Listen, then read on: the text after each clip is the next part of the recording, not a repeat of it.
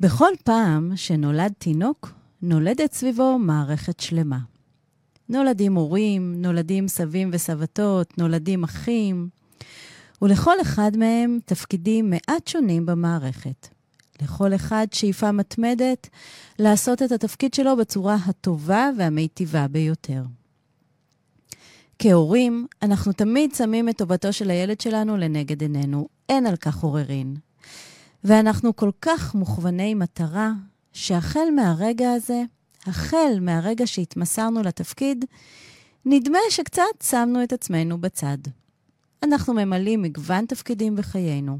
אנחנו ילדים, אחים, בני זוג, עובדים, מנהלים, חברים, ולתוך סל התפקידים הזה מצטרף עכשיו תפקיד ההורה.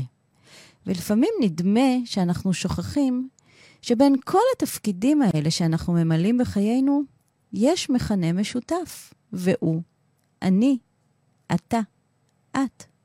אני הבת, אני החברה, אני העובדת, אני ההורה.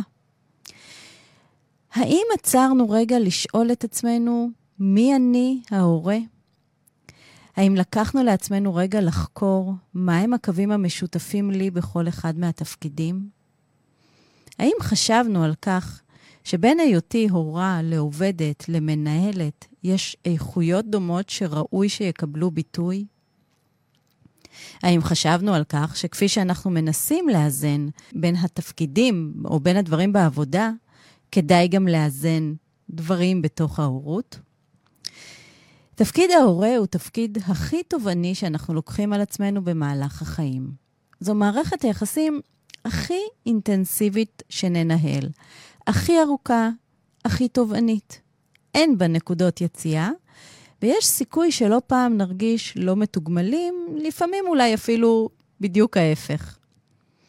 ומעצם ההגדרה של מערכת היחסים, היא אמורה להתקיים ברווח שביני לבין הילד. כלומר, אני מביאה איתי להורות את כל מה שיש בי כאדם. זה חשוב לי וזה חשוב לילד שלי. להכיר את כל הצדדים שמתקיימים בי כאימא שלו, כך שההיכרות בינינו תהיה אותנטית ועמוקה. ואני מגדלת את הילד מהמקום הזה שעם הזמן הוא יביא את כל מה שיש לו כאדם לרווח הזה, כדי שאני אזכה להכיר את כל הצדדים המתקיימים בו. כדי שהוא יזכה להביא לעולם את כל האיכויות שמתקיימות גם בו.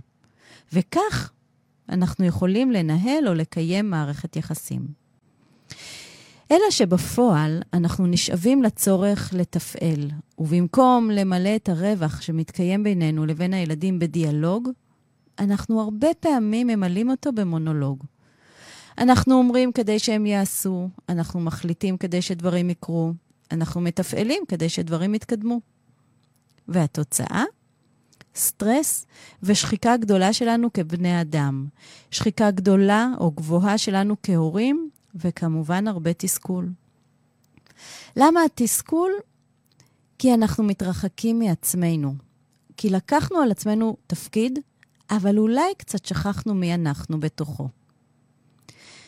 תהליך ההתפתחות שלנו כהורים אמור להיעשות במקביל לתהליך ההתפתחות של הילדים שלנו. הם גדלים ומתפתחים, ואנחנו לצידם ואיתם. אנחנו מהווים עבורם בסיס להתפתחות, והם, הם מעודדים אותנו לגדול. וכשם שהם זקוקים לתנאים האופטימליים להתפתחות, וכשם שהם זקוקים לכך שנראה אותם, שנבין את הצרכים שלהם, שניתן להם מענה באופן כזה שיאפשר להם לממש את עצמם, כך גם אנחנו ההורים זקוקים לתנאים האופטימליים, תנאים שיאפשרו לנו לגדול, להתפתח ולממש את התפקיד הכל כך גדול הזה שלקחנו על עצמנו. הילדים שלנו זקוקים לנו. הם זקוקים לנו שנגדל ונתפתח ביחד איתם במסע, כי רק כך הם ירגישו שווים ושייכים. את התוכנית היום אנחנו מקדישים לעצמנו, ההורים. נבין קצת יותר מה הצרכים שלנו וננסה למצוא את השביל המחבר בינינו לבין ההורה שאנחנו רוצים להיות.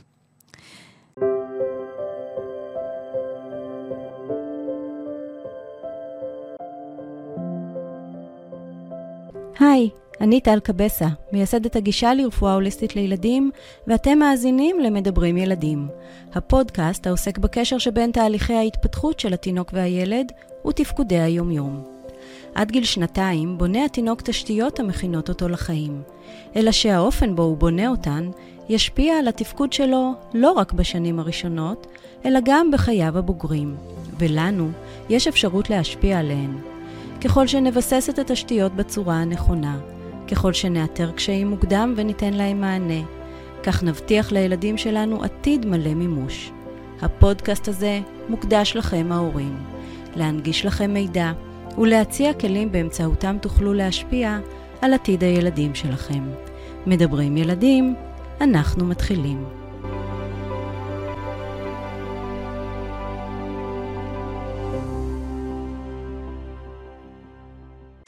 שנת הקורונה שמה על השולחן את הצורך ביצירת איזונים. האיזון בין הבית לעבודה, האיזון בין הילדים לזוגיות, האיזון בין השעות המשותפות לשעות האישיות, האיזון בין הפנים לחוץ. קוראים לזה וולנס, אומנות האיזון בין תחומי החיים הרבים והמגוונים שממלאים את חיינו, כשהמטרה העיקרית היא להגיע לתחושה של הוקרה, של מלאות, סיפוק ומימוש, או במילים פשוטות, שקט פנימי. שקט לא במובן שבו שום דבר לא קורה, אלא שקט במובן שמאפשר לי הנאה ושביעות רצון. וכשאני מסתכלת על השקט הזה, אני רואה שמתקיימים בו המון דברים שמצליחים לנוע בהרמוניה האחד לצד השני. מתקיימים בו כל החלקים שמרכיבים אותי. ואז אני יכולה להביא את אותי השלם לכל אחד מהתפקידים האחרים בחיי. זה לא שכל תפקיד ממלא בי משהו אחר, זו העובדה שלכל התפקידים בחיי אני מנסה או משתדלת להביא את עצמי. תחשבו כמה מדהים זה יכול להיות. לא עוד הפרדה ביני לבין ההורה שבי. לא עוד השיח הפנימי שמבקש לחבר בין התפקידים, אלא פשוט אני, אני כפי שאני. הוויה גדלה ומתפתחת עם התפקידים והבחירות בחיי. אלא שבפועל הדברים מורכבים כמובן הרבה יותר. ובעוד שבזירות מסוימות בחיינו אנחנו מביאים את עצמנו במלואנו, למשל בזירת הלימודים או העבודה, ומרגישים מועצמים, מסוגלים ומגשימים, כשאנחנו מגיעים לגזרת ההורות, אנחנו תשושים ושחוקים. אנחנו מופרדים מעצמנו. חוויית ההורות הפכה להיות רוויית סטרס, גם בשל המטלות הרבות שאנחנו צריכים לעשות, ואנחנו רוצים להספיק ולעשות אותם על הצד הטוב ביותר, וגם בגלל שאנחנו רוויי סטרס בתוכנו. למה אני אומרת את זה? כי החל מהרגע שבו אנחנו מגיעים הביתה, אנחנו מתפעלים ומתקתקים את הבית, את הילדים, את המקלחות. חצי מהלב שלנו נמצא עם הילדים, והחצי השני בנייד. כי יש עוד מייל חשוב שהגיע, כי בדיוק עלה פוסט מעניין, כי אני חייבת להציג משהו חשוב בעבודה מחר, כי הראש שלי עמוס מכל היום, כי אני עייפה, כי לא הספקתי לאכול כל היום. כי היום היה כל כך גדוש שלא היה לי רגע אחד לעצמי. רגע אחד לנשום. ואז, כשמגיע הלילה ואנחנו מניחים את הראש על הכרית, מתחיל תהליך ביצוע הערכה לעובד. תהליך שאנחנו עושים לעצמנו. אנחנו בודקים מה הספקנו לעשות ומה לא, ונותנים לעצמנו ציון. ולרוב, ואני כמובן מדברת בהכללה, אנחנו מרגישים די מסופקים ממה שהספקנו לעשות בעבודה, ומה שלא, אז נעשה מחר. אבל במאזן של הבית, בגזרת ההורות, מתגנבת לא פעם תחושת החמצה. על מה שלא עשינו, או על איך שעשינו, על כך שפספסנו, על כך שכעסנו, שוויתרנו או שלא ויתרנו, על כך שעוד פעם הגענו לקצה. מה הופך את חוויית ההורות הזאת לחוויה כל כך רוויית סטרס? אז בניגוד למחשבה שהגורם המרכזי הוא ההורות עצמה, אני טוענת שהגורם המרכזי הוא אנחנו, בעצמנו. ובעיקר התחושה הפנימית, אולי הבלתי מודעת, שמנהלת אותנו, והיא ששכחנו את עצמנו. אז איך מגיעים לתחושה הזאת של ה-wellness, לשקט הפנימי הזה, שיכול לפעפע מבפנים החוצה גם להורות? הגישה ההוליסטית טוענת שבשנתיים הראשונות לחייו של התינוק מתפתחות חמש תשתיות עיקריות: מוטוריקה, שינה וויסות, תזונה, בריאות וחינוך ואווירה משפחתית. כל אחת מהתשתיות מתפתחת בפני עצמה, וכל אחת מהן משפיעה על התשתיות האחרות במעגל.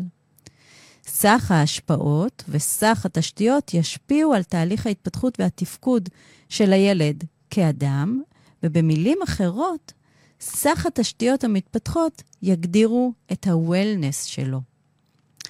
גם בנו, ההורים, מתקיימות חמש התשתיות האלה, והאופן שבו הן מתקיימות ישפיע על התפקוד שלנו ביום-יום. ככל שיהיה איזון ביניהם, כך תהיה לנו חוויית שליטה טובה יותר. תהיה לנו חוויה של wellness, של well-being. ככל שתשתיות מסוימות לא יהיו מבוסתות, כך הן ישפיעו על תפקוד של תשתיות אחרות. התוצאה הכללית תתבטא באיכות התפקוד שלנו, ותמיד, תמיד, תמיד תהיה מלווה בסטרס. ואני אסביר את זה ממש עוד רגע. אז בואו נתחיל רגע את הטיול הזה בתשתיות. אז התשתית הראשונה היא התשתית המוטורית. התשתית הזאת מדברת על התנועה בחיים שלנו ועל ההשפעות שלה על התפקוד היומיומי ועל הרווחה הנפשי. אורח החיים שלנו מוגדר כאורח חיים יושבני. יושבני מהמילה יושב. כלומר, כמעט כל מה שאנחנו עושים ביום-יום נעשה בישיבה ולרוב גם מול מסך. מעבר להשלכות התפקודיות הבסיסיות ש- שמוכרות לנו, כאבי גב, מפרקים, כאבי צוואר, ראש, עייפות, שנגרמות מאורח החיים היושבני הזה, יש שרשרת השפעות רב-מערכתיות. למשל, ירידה משמעותית בהפרשת סרטונין. סרטונין הוא מוליך עצבי שמשפיע על תהליכי ויסות בגוף. על מחזורי ערות ושינה, על ויסות טמפרטורה, ויסות של תיאבון, ויסות של כאב, וכמובן, כשם שהוא מכונה, גם על ויסות הרגשות שלנו, כי הוא מכונה הורמון מצב הרוח. זה לא בדיוק הורמון, אבל כך מתייחסים אליו. במילים פשוטות, הפרשת הסרטונין משפיעה על מצב הרוח שלנו. מרבית כמות הסרוטונין בגוף מופרשת במהלך פעילות גופנית, בתנועה. ככל שאנחנו יותר בתנועה, כך מופרש יותר סרוטונין, וכמובן להפך. המשמעות היא שככל שאנחנו לא פעילים, כך באופן אובייקטיבי לחלוטין, מצב הרוח שלנו ירוד יותר. זה כמובן משפיע על האנרגיה הרגשית והנפשית שיש לנו להשקיע בזמן שלנו עם הילדים.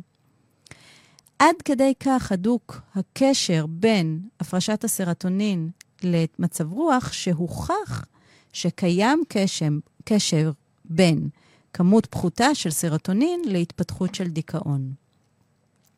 אגב, אם נתחבר רגע לתהליכי ההתפתחות, הרי שזאת אחת הסיבות לכך שיש קשר בין התפתחות התנועה, התנועה הסנסומוטורית של התינוק בשנה הראשונה לחיים, להתפתחות קשיים בוויסות החושי, הרגשי והעצמי. זה בדיוק הקשר.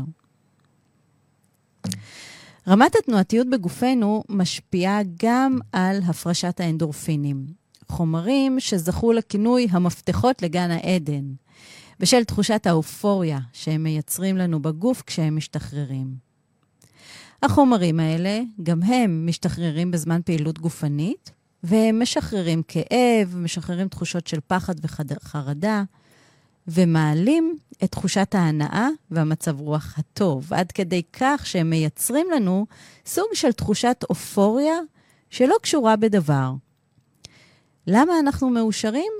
מעצם ההוויה שלנו, מעצם הנוכחות שלנו. זה נכון שכדי ליהנות מההפרשה הגבוהה הזאת, מומלץ לצאת לפעילות אירובית של חצי שעה ומעלה, אבל הבונוס הוא שמדובר בהפרשה ובהשפעה מצטברת. וככל שאנחנו יותר מורגלים בפעילות, בפעילות גופנית או בתנועה, ההפרשה מגיעה מהר יותר, ואנחנו זקוקים לכמות קטנה יותר כדי ליהנות מההשפעות שלה. כמובן שככל שאנחנו פחות ופחות בתנועה, אין לנו מספיק אנדורפינים שיכולים לפרק את המתח שמצטבר בגוף. ואת זה אנחנו סוחבים איתנו הביתה. אז מה הפלא שאחרי יום עמוס מנטלית, או יום עמוס בשעות ישיבה, אנחנו מגיעים תשושים רגשית לילדים שלנו? תראו כמה חוסר בתנועה משפיע על החוויה הרגשית שלנו.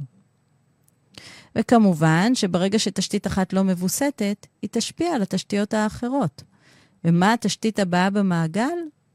התשתית של השינה והוויסות. והיא תהיה אה, בעלה, היא, היא בעצם תושפע מכל מה שדיברנו עד עכשיו. אז בואו נדבר רגע על הוויסות הזה ועל השינה. ויסות הוא תהליך שנשלט על ידי גורמים שונים, כמו למשל שדיברנו מקודם על הסרטונים, וכמובן כל מיני הורמונים אחרים. אלה הם חומרים שאחראים ליצירת ויסותים מאוד מאוד עדינים בגוף שלנו, ומשפיעים על מכלול גדול של תפקודים. אז מה הקשר בין ויסות לשינה? למה הם מופיעים באותה התשתית? כי גם שינה היא מנגנון מאוד חשוב ועדין של יצירת ויסות. המשמעות של ויסות היא אותו well-being שאנחנו מדברים עליו, שאנחנו שואפים להגיע אליו, איזשהו מצב שהכל עובד בצורה הרמונית באופן יחסי. הרבה מאוד הורים לילדים צעירים מדברים על כך שהם לא ישנו שנים, לילה רצוף ועמוק, או, או חודשים ארוכים הם לא ישנו. נכון שזה ללא ספק חלק מהמחיר שאנחנו משלמים כשיש לנו תינוק בבית, אבל פעמים רבות אנחנו כהורים מתמודדים עם קשיי שינה של הילדים שלנו, גם כשהם כבר יותר גדולים. השינה של הילדים לא רציפה. הם מתעוררים הרבה, הם מבקשים לפעמים לאכול, לפעמים הם עוברים למיטה שלנו, לפעמים אנחנו ישנים במיטה שלהם, לפעמים אנחנו ישנים על מזרון בחדר שלהם. לא משנה כרגע מהן הסיבות, התוצאה היא שאנחנו נמצאים במחסור מתמיד בשינה. ולחוסר שינה יש השפעה קריטית על התפקוד שלנו. קודם כל, כמובן, על התפקוד והגדילה והבריאות של תינוקות וילדים, אבל לחוסר שינה יש השפעה מרחיקת לכת על התפקוד שלנו, המבוגרים, על התפקוד הפיזי, המנטלי, הרגשי. כשהגוף לא מקבל את מכסת השעות שלה הוא זקוק, הוא עובר למצב של תפקוד בתנאי מחסור, תפקוד בתנאי מצוקה. יש מעט אנרגיה זמינה, ואותה צריך לשמור כדי לקיים את התפקודים החיוניים ביותר, ההכרחיים ביותר. ואם את המעט שיש לנו השקענו בחצי הראשון של היום בעבודה, לחצי השני כבר לא כל כך נותר לנו מה להשקיע. אז התפקוד שלנו עובר מתפקוד יומי, מיטבי, ערני, לתפקוד הישרדותי. אנחנו עייפים יותר, עצבניים יותר, קצרים יותר, ולכל זה אין בכלל קשר למה שהילדים עושים או לא עושים. זה קשור לאופן שבו הגוף שלנו מתפקד באותן השעות. התשתית השלישית היא התשתית התזונה. והיא מדברת גם על האיכות של ההזנה בגוף שלנו, וכמובן גם על ההרגלים. תזונה מזינה היא מקור לבניית מאגרי אנרגיה בגוף, גם כאלה שמשתתפים בתהליכי בנייה ארוכי טווח, אבל גם כאלה שמייצרים לנו אנרגיה זמינה, כזאת שמאפשרת לנו להתנהל ברמה הפיזית, היומיומית, וגם משרה עלינו רוגע ומעלה לנו את מצב הרוח. עם יד על הלב, כמה פעמים יצא לכם שהגעתם לאסוף את הילדים אחרי שלא היה לכם זמן לאכול, שדילגתם על ארוחות, שחטפתם משהו לא מזין בדרך? כמה פעמים מצאתם את עצמכם ניזונים מקפה וחטיפים בזמן שאתם מבלים עם הילדים בגינות המשחקים? כמה פעמים התבוננתם על הצלחת שלכם וראיתם שיש בה בעיקר פחמימות? הנה חומר למחשבה, משהו שכדאי לשים אליו את הלב. אז עד כה הכרנו שלוש תשתיות, ותראו מה, מה בעצם קרה. הגענו למפגש עם הילדים שלנו, שללא ספק חיכינו לו, תשושים, רעבים, עצבניים, רוויי מתח וסטרס, וכל זה בכלל לפני שפגשנו אליו, אה, פגשנו אותם. הצרכים הכי בסיסיים שלנו לא התמלאו. התשתית הרביעית היא הבעייתית מכולן, תשתית הבריאות. בניגוד למה שאנחנו חושבים, מחלה היא לא גורם, היא תוצאה. למה אנחנו חולים? למה אנחנו לא מרגישים טוב יותר? למה מתפתחות אצלנו מחלות כרוניות?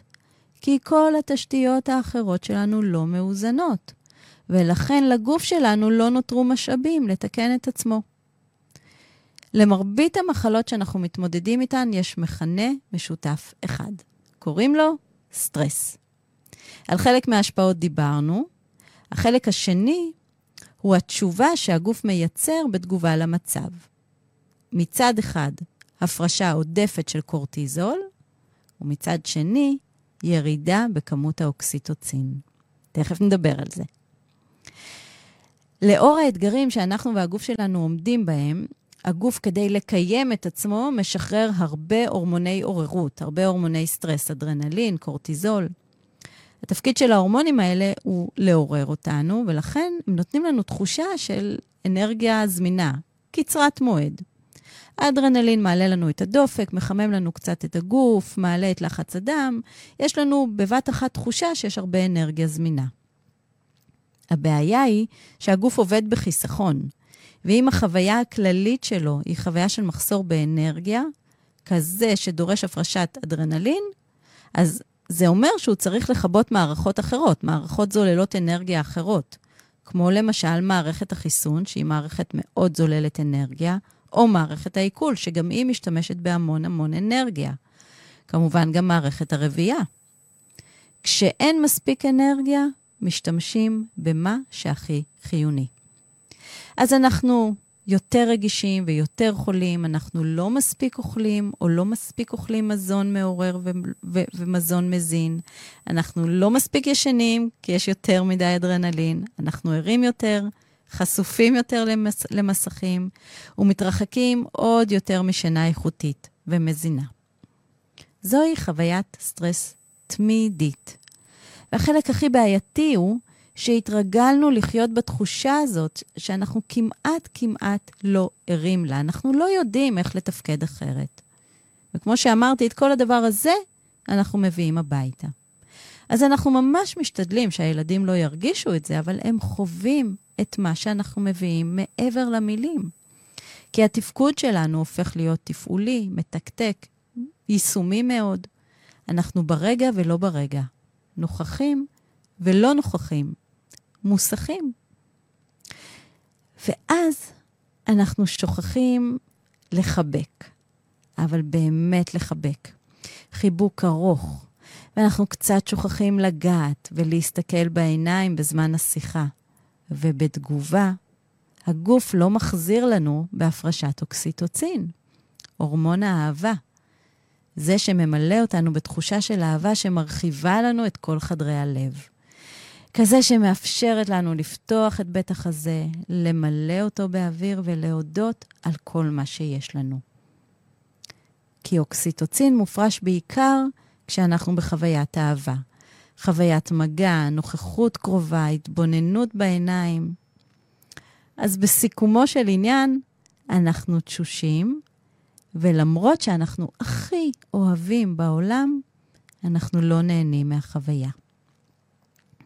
ונשארה לנו תשתית אחרונה, היא התשתית של החינוך והאווירה הביתית, אבל נדמה לי שלכולנו ברור שמהמקום הזה של החוסר, מהמקום של ההישרדות, החוויה הפנימית שלנו, של, של הסטרס, שלא קשורה בכלל לילדים, קשה מאוד ליצור איזון בתשתית הזאת.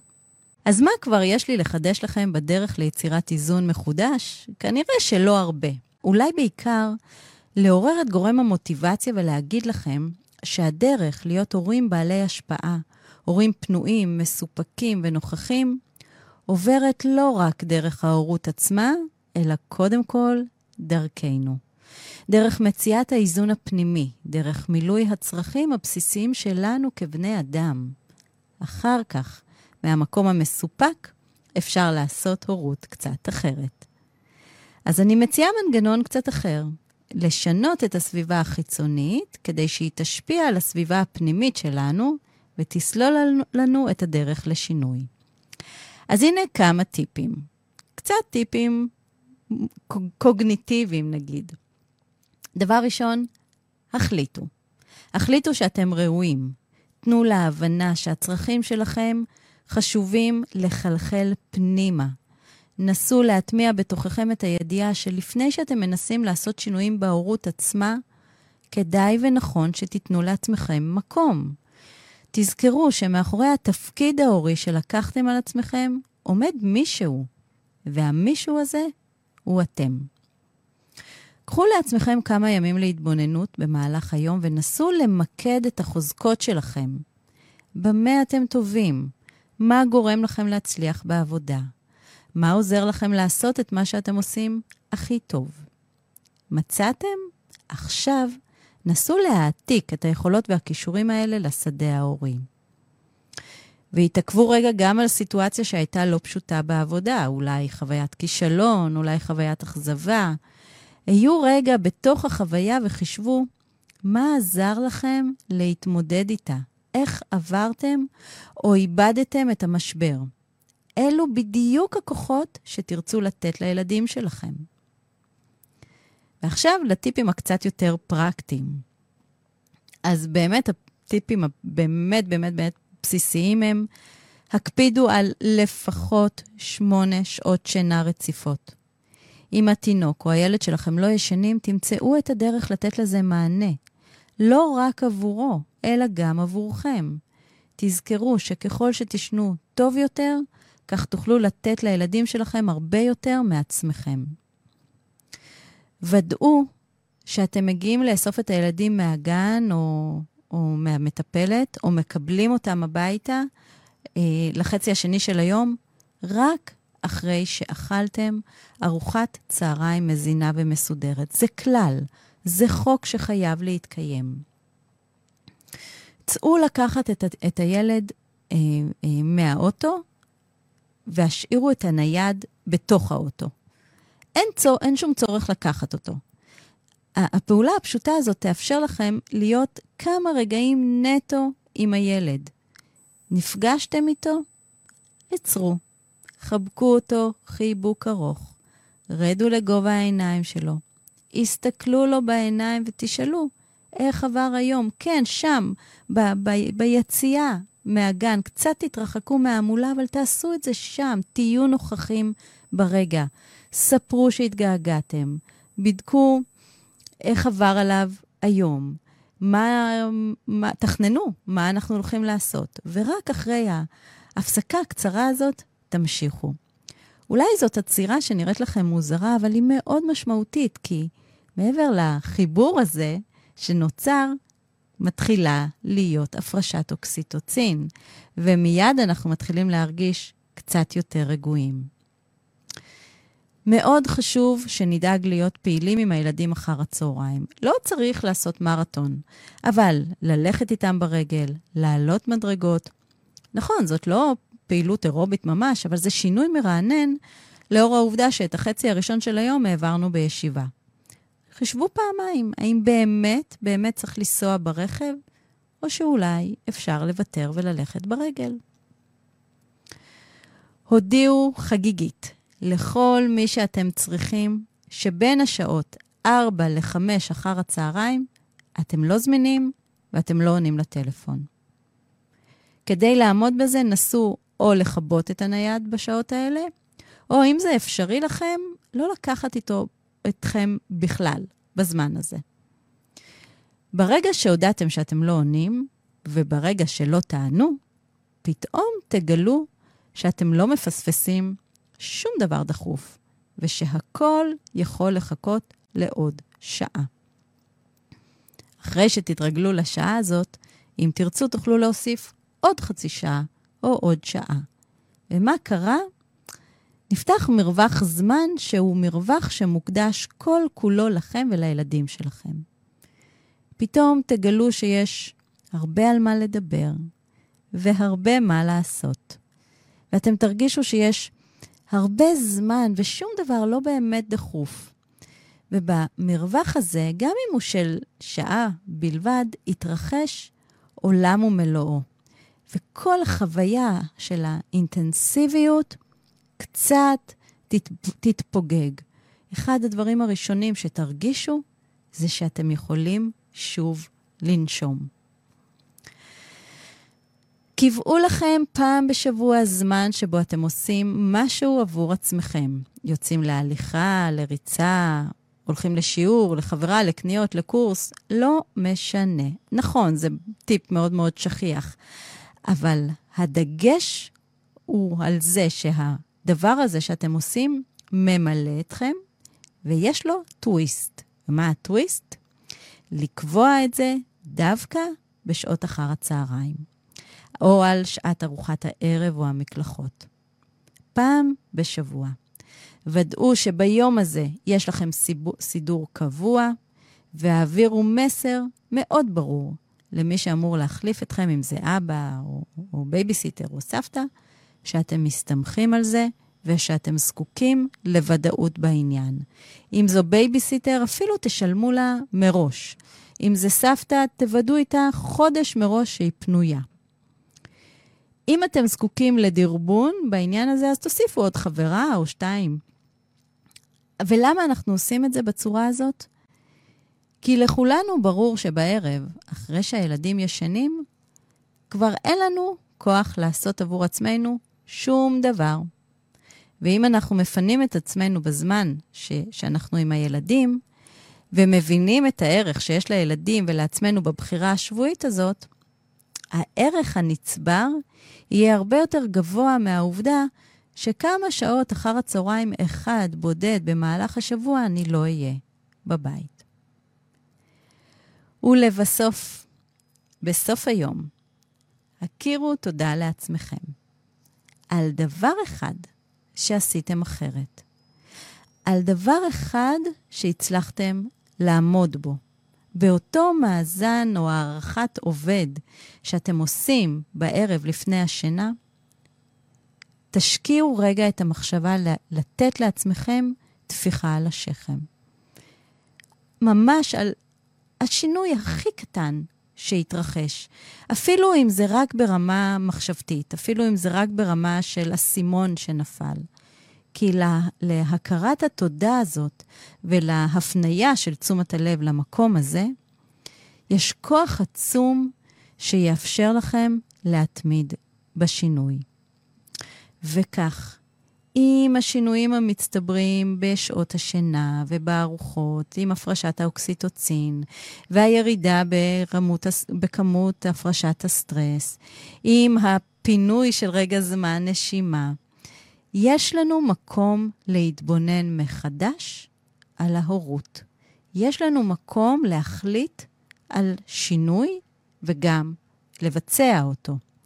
כשחוויית הסטרס מתפוגגת, כשהעננים מתפוגגים, יש מקום לראות את השמיים, יש מקום לראות את הכחול.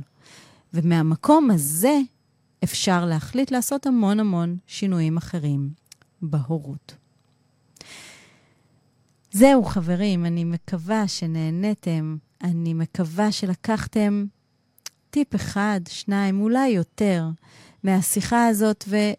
ותתחילו להטמיע אותה בהורות החדשה שלכם.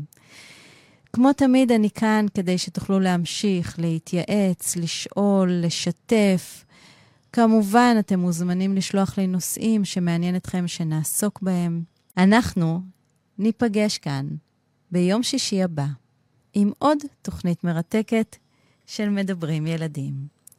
סוף שבוע רגוע ומנוחה טובה לגוף ולנפש. להתראות.